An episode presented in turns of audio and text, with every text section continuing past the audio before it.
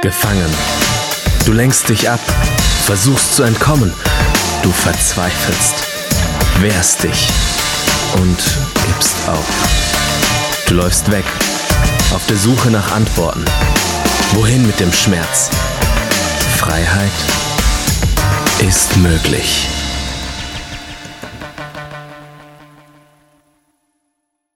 Hallo 20s, mega schön hast du heute in den Livestream reingeklickt und bist du dabei zu dem Message-Thema Wer lust, aber nicht tut, der ist dumm. Das ist nicht irgendwie ein Message-Titel, wo man denkt, der ist ein bisschen sketchy und darum cool, sondern das sind Worte direkt aus dem Maul von Jesus. Und in dieser Serie sind wir. Hashtag Jesus, das hat er gesagt.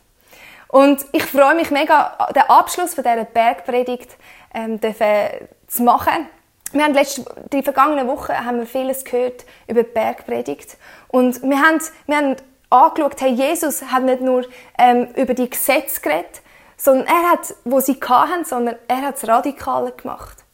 Er hat gesagt, hey, es geht nicht nur um die Einhaltung der Gesetze, die die Juden damals hatten, sondern es geht um deine Herzenshaltung dabei. Das ist radikal. Und darum freue ich mich, das heute mit euch anzuschauen. Ich wohne aktuell bei meinen Eltern und unser Haus ist gerade so am Fuß von einer Ruine, wo damals die Schenkenberger wie auch die Habsburger bewohnt haben.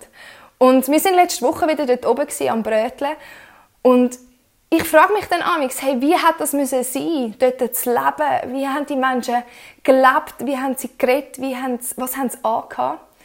Und das Gleiche denke ich mir so oft, wenn ich in der Bibel am Lesen bin. Hey, wie muss die Zeit zu der Zeit von Jesus gewesen sein? Wie muss es gewesen sein, ihn live anzuschauen, wie er Menschen geheilt hat? Wie hat das müssen sein? Ähm, einfach der Anblick von ihm, das nimmt mich so wunder. Und wir können, uns, wir können sich auch fragen, hey, wie sind die Häuser damals beschaffen gewesen? Jetzt fragst du dich ja, wieso? Das ist meine Einleitung. Genau. ja, wie sind die Häuser dort be beschaffen gewesen? Wie sind die gebaut gewesen? In Palästina hat ein jemand, der ein Haus gebaut hat, müssen vorausschauen. Weil damals im Sommer ist es, sind es trockene Sandbanken gewesen. Es ist äh, einfach mit Sand, es ist trocken gewesen und einfach so Deltatäler. Und im Winter sind aber die, die, die sandigen Sachen zu riesenden Strömen geworden. Und darum ist es so wichtig dass man vorausschauend war, dass man nicht auf dem lockeren Sand, wo so eine Verlockung war, gebaut hat, weil wenn der Fluss angefangen hat, ähm, Wasser bekommen, der ist zu riesenden Strömen geworden und hat die Häuser mitgerissen. Darum ist es so wichtig weil die Häuser haben nicht so eine, so eine heutige Architektur gehabt. Die konnten durch die Wand graben, man konnte Dächer abdecken, weil es nur aus Lehm und Gras sind. Darum ist es so wichtig dass man das Fundament gut gebaut hat. Wir alle kennen, entweder aus dem Fernsehen oder aus eigenen Erlebnissen, zertrümmerte Häuser, eingestürzte Gebäude. Und das sind schlimme Anblicke, wenn das, wenn das im Fernsehen siehst. Aber es gibt auch schlimme Anblicke in unserem Leben. Sachen, die einsturzgefährdet sind in unserem Leben. Es kann sein, dass Freundschaften einsturzgefährdet sind. Es kann sein, dass eine Ehe einsturzgefährdet ist. Oder sonst Sachen in deinem Leben. Wo es darauf ankommt, wo ist das Fundament darauf gebaut. Jesus erzählt nach seiner Bergpredigt ein Gleichnis, das wieder Abschluss bildet von dem Ganzen. Und das möchte ich mit euch lesen. Jesus sagt, jeder nun, der diese meine Worte hört und sie tut, den werde ich mit einem klugen Mann vergleichen, der sein Haus auf den Felsen baute. Und der Platzregen fiel herab, und die Ströme kamen, und die Winde wehten und stürmten gegen jenes Haus. Und es fiel nicht, denn es war auf Felsen gegründet. Und jeder, der diese meine Worte hört und sie nicht tut, der wird mit einem törichten Mann zu vergleichen sein, der sein Haus auf den Sand baute. Und der Platzregen fiel herab, und die Ströme kamen, und die Winde wehten und stießen an jenes Haus. Und es fiel, und sein Fall war groß. Und es geschah, als Jesus diese Worte vollendet hatte, da erstaunte die Volksmenge sehr über seine Lehre. Denn er lehrte wie einer, der Vollmacht hat und nicht wie die Schriftgelernten. Aus dem Gleichnis können wir verschiedene Kontraste entdecken. Der eine Kontrast ist das Fundament, wo, wo fest ist, wo zuverlässig ist, wo tragend ist. Und auf der anderen Seite haben wir das wackelige, haltlose und gefährdete Fundament. Beide sind der gleichen Folge ausgesetzt.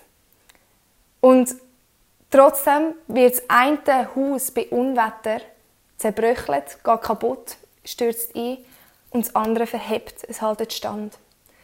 Und der dritte Kontrast ist, Jesus vergleicht den, der auf das tragfähige Fundament baut, mit einem gescheiten Mann. Der andere, der auf Sand baut, als ein Törichter, in unserer Sprache heute als ein dummer Mensch, der nicht auf ein tragfähiges Fundament baut. Was ist denn das Fundament? Was wird uns Jesus in dem sagen? Er ist der Fels, Jesus ist der Fels, wo sagt, hey, wenn du dein Leben auf mir baust, dann wird dein Leben können verheben. Das hat Ewigkeitsbestand. Baust du jedoch auf Sand, das sind alles Sachen, die die Welt dir zwar anpreist als schmackhaft, aber wenn Sturm und Regen kommt, wird es nicht bestehen. Das Haus wird zusammenbrechen. Das meint Jesus mit dem Gleichnis, hey, bau dein Leben auf dem Fels, auf mir, Jesus Christus. Und wenn wir das Gleichnis ein bisschen anschauen, dann ist für uns klar, oder die Kontraste anschauen, dann, dann denken wir, ja logisch, baue ich auf Felsen. Das andere, das bricht ja zusammen, das ist Aufwand für nichts. Habe ich mir auch oft gedacht, und wenn ich aber dann auf mein Leben schaue, merke ich, ups, noch ein bisschen viel Sand auf dem Fundament damals. Oder nur Sand. Und das fordert mich persönlich raus. Und dort frage ich mich, hey, wo besteht denn die Baukunst, auf dem Felsen Jesus zu bauen? Wie kann ich mein Fundament auf Jesus bauen? Wir finden einen riesen Schatz und ein riesen Geheimnis in dem Wort von Jesus in dem Gleichnis. Er sagt, jeder, der meine Worte lost und sie tut, der wird mit einem gescheiten Mann verglichen, der sein Haus auf Felsen baut. Im Losen und im Tun von der Botschaft von Jesus, dort liegt das Geheimnis. Und wenn wir uns die eine Komponente anschauen, zu hören, das ist so wichtig. Das Hauptgebot der Israeliten ist verkündet worden mit dem Anfangssatz Los Israel, höre Israel. Im Psalm 95,7 lesen wir, heute, wenn ihr seine Stimme hört, verstockt euch ein Herz nicht. Und wo Gott zum Samuel gerufen hat, das dritte Mal, hat Samuel geantwortet, red Herr, dein Diener Lust. Und bei der Verklärung von Jesus hat Gott gesagt, das ist mein geliebter Sohn, auf ihn sollt ihr hören. Also ich kann das Wort Gottes erst befolgen, wenn ich angelost habe, wenn ich zugelost habe, wenn ich gelost habe. Und hören gehört zu den Wesenszügen von einem Jünger, von einem Nachfolger von Jesus. Und dort dürfen wir eine Verheißung, ein Versprechen wahrnehmen, wo Jesus selber gesagt hat. Er hat gesagt, ich bin der gute Hirt und meine Schafe, wo wir sind, wo an Jesus glauben, hören meine Stimme. Das hat uns Jesus gesagt. Hören ist wichtig.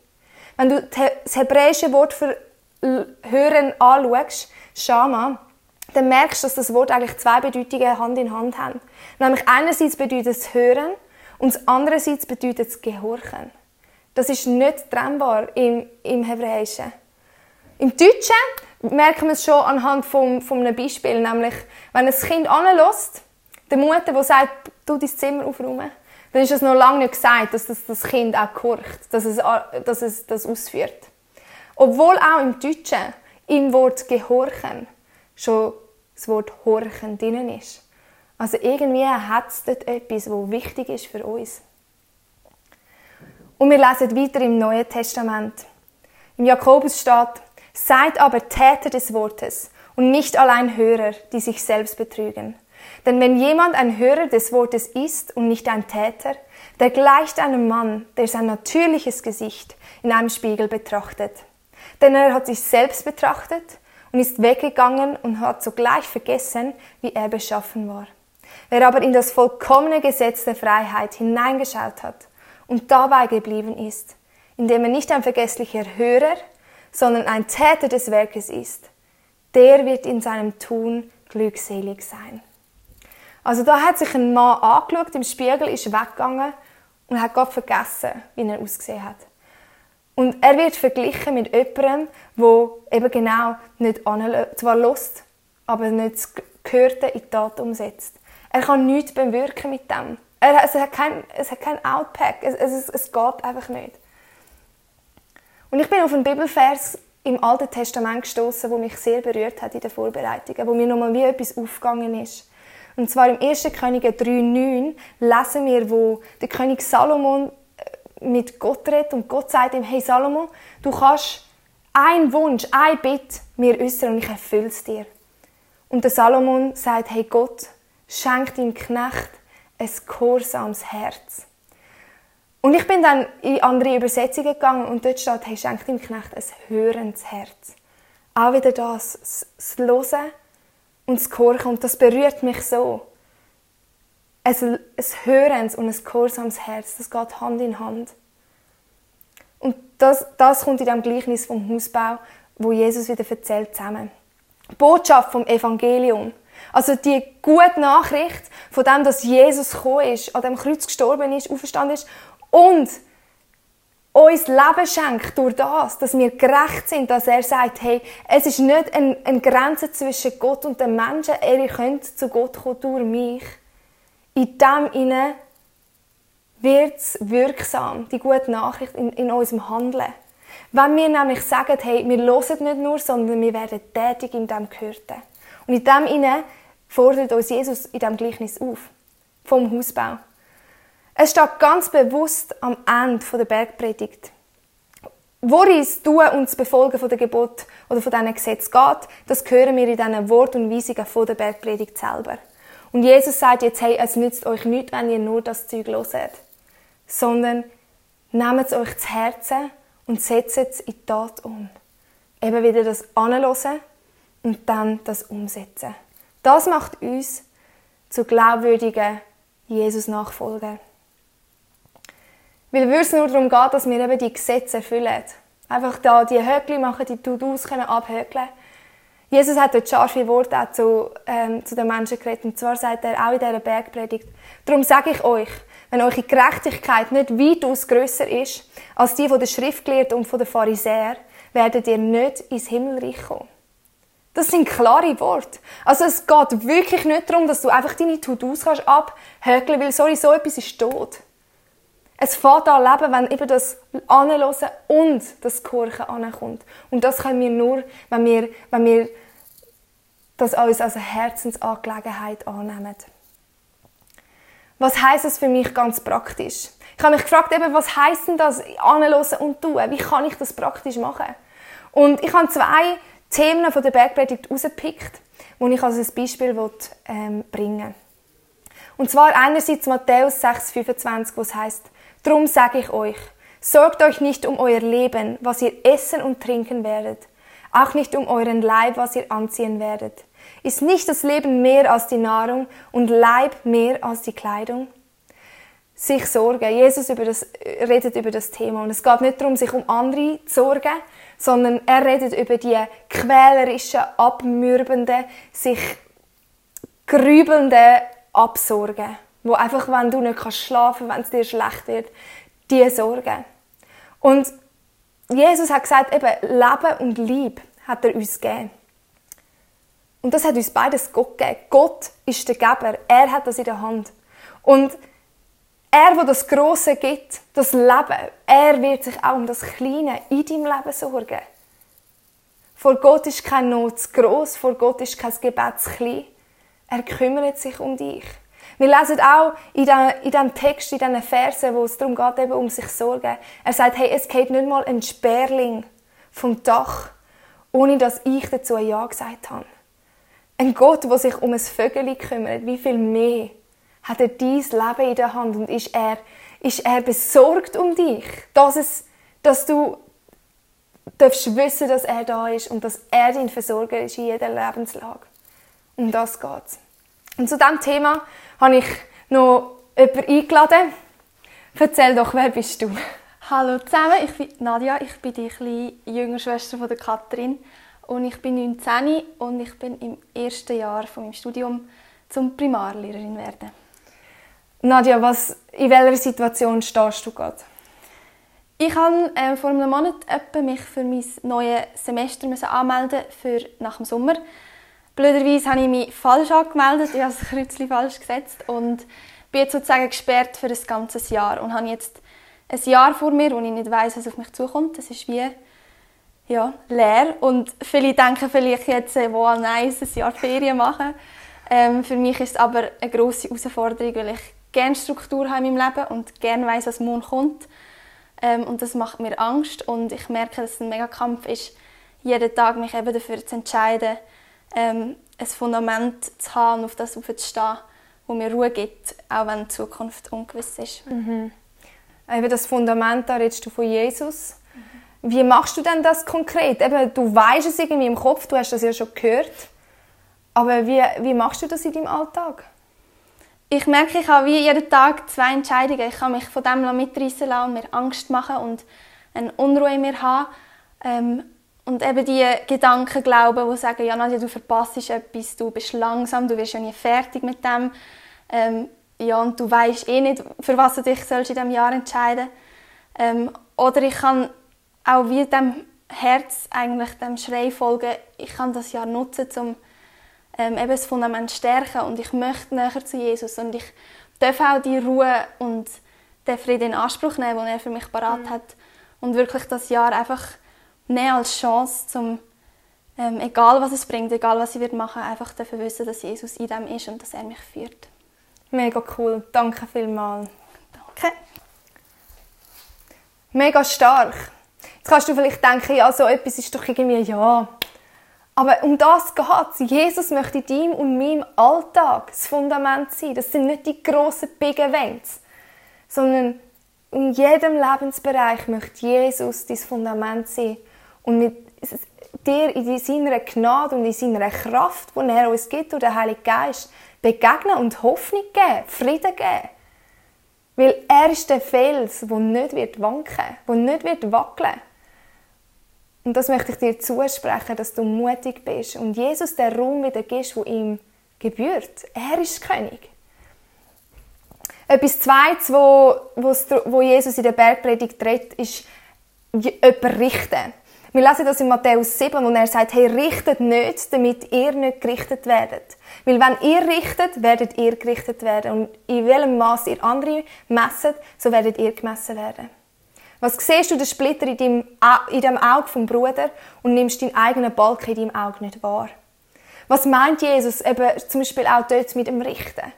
Es geht dort darum, die die Gedanken, das verwerfliche, lieblose Richten gegenüber deinem Nächsten, gegenüber anderen Personen. Es geht darum, dass du dich größer machst, dich über andere erhebst und den anderen klein behaltest. Es geht um die Rede gegen jemanden hinter seinem Rücken. Über das redet Jesus. Die Schadenfreude am Unglück vom anderen. Und ganz ehrlich, in meinem persönlichen Leben, ich merke das immer wieder. Ich höre das aber es ist mir manchmal einfach gleich, weil ich denke, ja, ich bin ja in anderen Bereichen jetzt mit Jesus dran. Aber ich merke, hey, Jesus fordert mich raus, los, zu und setze die Tat um. Weil dann tue ich mir das Fundament, meine Beine auf das Fundament von Jesus stellen. Wo erstens mich bewahrt, aber auch den anderen schützt. Und genau. Am Ende der Bergpredigt, am Ende des Gleichnis, gibt es einen Satz, wo wo mich herausfordert. Und zwar steht, und es geschah, als Jesus die Worte vollendet hatte. Da erstaunte die Volksmenge sehr über seine Lehre, denn er lehrte sie wie einer, der Vollmacht hat und nicht wie ihre Schriftgelernten. Ihr müsst euch vorstellen, der Eindruck von dieser Bergpredigt ist für die Zuhörer überwältigend. Sie sind sich gute Redner gewöhnt. Es hat damals grossartige, bekannte Philosophen gegeben, die fantastische Reden, und ganz ehrlich, die wären heute auf diesen Bühnen, die, die wären wahrscheinlich die Motivation-Prediger und was auch immer. Aber was ist der Unterschied dann zwischen der Predigt von Jesus und der Schriftgelehrten? Jesus hat mit Vollmacht geredet. Gegenüber von den, den Wort der Schriftgelehrten, die sind machtlos gewesen. Früher so wie heute haben Menschen probiert Gesetze aufzustellen, wo im Bereich des Menschen Möglichen liegt. Dazumals auch die Gesetze von, ähm, von den Juden. Und dann kommt Jesus in dieser Bergpredigt und stellt Gesetze auf, eben auch das mit dem Herz, wo Menschen unmöglich ist. In all dem innen deine Taten und mit dem Herz zu folgen, das ist Menschen unmöglich. Und eben auch Gott, Gott immer in diesem Alltag einzuladen, das ist Menschen unmöglich. Darum ist der Fels, Jesus, wichtig, sehr wichtig, ultimativ wichtig. Weil er sagt, ja, es ist dir nicht möglich. Aber mir, Gott, ist es möglich. Für Menschen ist es unmöglich, für, aber mit Gott und durch Gott und durch Jesus allein ist es möglich. Und das fordert mich raus. Es geht nicht darum, dass ich einfach diesen Gebot folge auf meine eigene Kraft, sondern was dort reinkommt, ist die Beziehung mit Jesus, wo mich herausfordert, Hand in Hand mit Jesus, Hand in Hand mit dem Heiligen Geist, den Weg zu gehen. Du musst das gar nicht allein. Hör auf mit dem. Hör auf, allein das durchzuziehen, weil dann baust du auf Sand. Sondern was sich Jesus wünscht, ist, mit ihm zusammen den Weg zu gehen. Nur durch ihn allein kannst du gerecht werden. Du wirst nicht gerecht in deinem Leben allein, durch deine Leistung, sondern du brauchst Jesus. Ich brauche Jesus. Und darum werde ich mein Leben alles auf die Karte von Jesus setzen. Weil ich immer wieder erkenne, wie, wie ich auf dem Sand baue und merke, es verhebt nicht. Jesus verhebt. Die Welt sagt dir, bau dein Haus auf Sand. Allah, Reichtum ist Glück. Die Welt sagt uns, alles, was ich haben will, das ist Lebensinhalt. Und wenn ich das habe, oder wenn ich alles kann sein kann, was ich will, dann kann ich Ehre bekommen von Menschen. Und sie sagt auch, Religion ist etwas für Schwache. Gottesdienst ist irgendwie eine Leistung für die Menschen, die irgendwie welche Himmelspunkte noch sammeln wollen. Dagegen die Bergpredigt verkündet mega klar.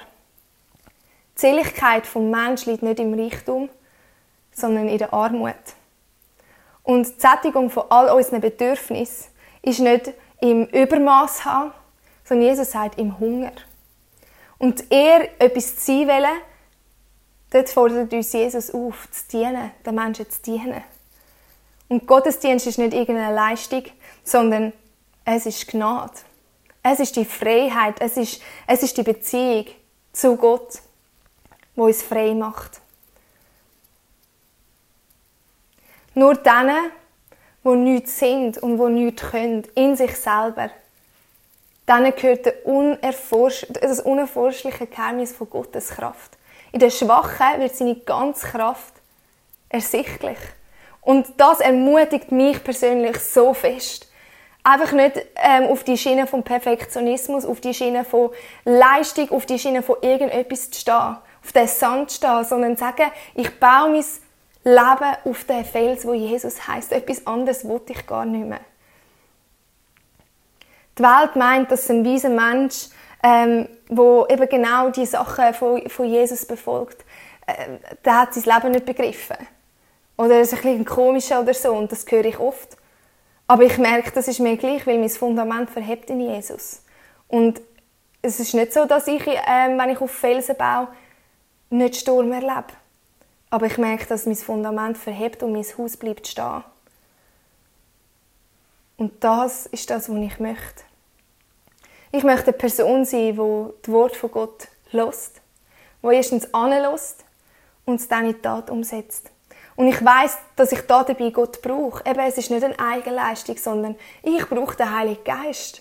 Und dort kommen all die Verheißungen aus der Bibel, dass, dass wir den Heiligen Geist dürfen haben, weil Jesus in uns lebt. Aber ich, und dass ich heilig bekomme, vielleicht in einem Wunder, in einem Prozess, aber Gott sagt, ich bin für dich. Weißt, Gott ändert sich nicht. Das Fundament ändert sich nicht.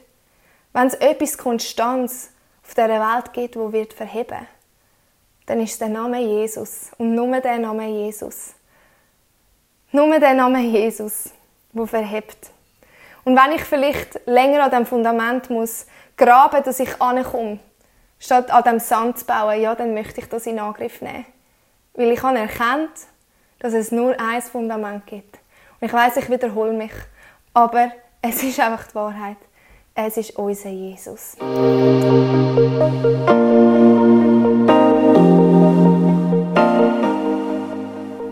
Wenn Gott durch so Messages zu dir redet, ist das mega kostbar. Darum nimm den Schatz unbedingt mit in deinen Alltag. Vielleicht machst du gerade noch eine Notiz zu diesem Thema oder redest mit Jesus in einem Gebet noch selber drüber. Es ist unsere Leidenschaft als ICF 20s, junge Menschen zu begleiten auf ihrem Weg mit Gott und sie dabei zu unterstützen. Hey, und wenn du den ICF 20s willst besser kennenlernen dann komm doch vorbei. Wir treffen uns jeden Freitagabend in der Samsung Hall in Stettbach. Du findest uns natürlich auch online, auf Social Media wie Instagram, Facebook und Snapchat. Dort kannst du dich informieren über Smart Groups, Camps oder was sonst noch so bei uns in der Kirche. Danke fürs Hineinklicken. Bis zum nächsten Mal.